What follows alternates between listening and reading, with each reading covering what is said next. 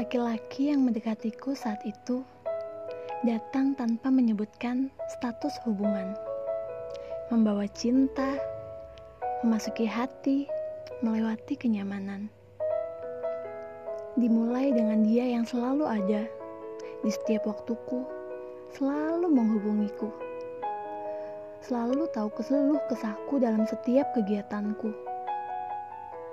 Dia yang selalu minta maaf ketika dia lama membalas pesanku. Padahal, aku pun tidak masalah. Apa pun alasan dia membalas pesan sangat lama, aku mempercayainya. Setiap malam, kita selalu menghabisi waktu dengan komunikasi video call. Canda, tawa, senyum, salting, semua itu muncul kala itu.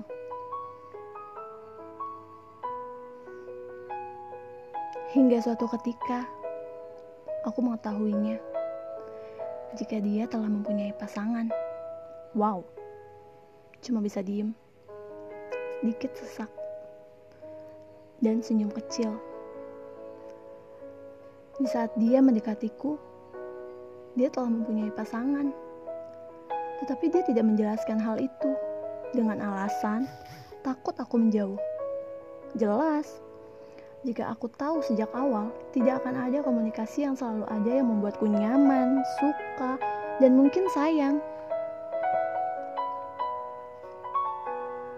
Wanita mana yang tidak sesak ketika tahu laki-laki yang dicintainya memiliki wanita lain? Aku pun memulai untuk membuka hati untuk yang lain. Bahkan, meskipun ku memiliki yang lain, hatiku masih dengan dia bukan untuk pelampiasan, hanya saja mencoba melupakan yang bukan milik kita.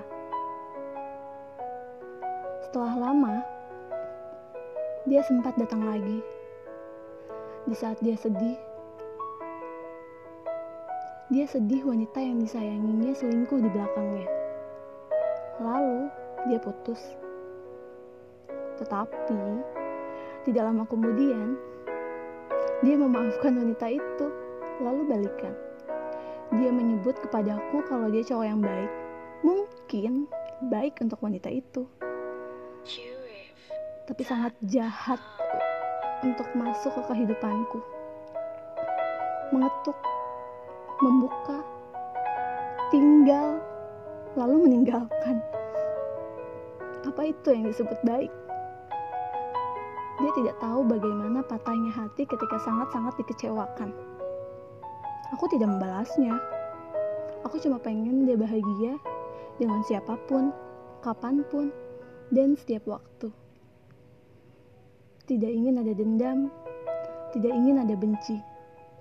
Hanya saja Tuhan yang bisa membalasnya.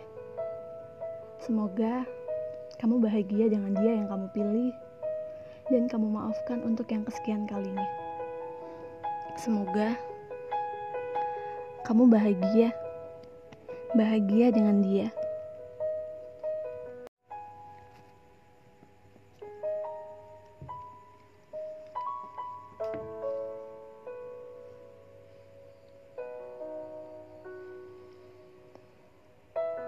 Laki-laki yang mendekatiku saat itu datang tanpa menyebutkan status hubungan, membawa cinta, memasuki hati, melewati kenyamanan.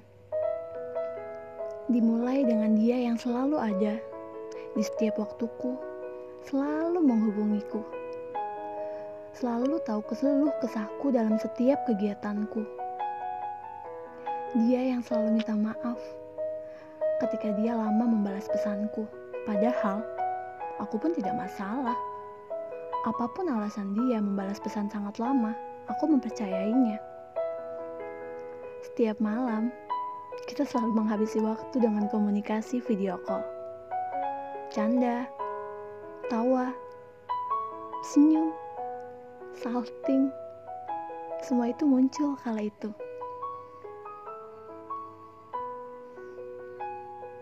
Hingga suatu ketika, aku mengetahuinya jika dia telah mempunyai pasangan. Wow, cuma bisa diem, sedikit sesak dan senyum kecil. Di saat dia mendekatiku, dia telah mempunyai pasangan. Tetapi dia tidak menjelaskan hal itu dengan alasan takut aku menjauh. Jelas, jika aku tahu sejak awal, tidak akan ada komunikasi yang selalu ada yang membuatku nyaman, suka, dan mungkin sayang. Wanita mana yang tidak sesak ketika tahu laki-laki yang dicintainya memiliki wanita lain? Aku pun memulai untuk membuka hati untuk yang lain. Bahkan, meskipun ku memiliki yang lain, hatiku masih dengan dia. Bukan untuk pelampiasan, hanya saja mencoba melupakan yang bukan milik kita.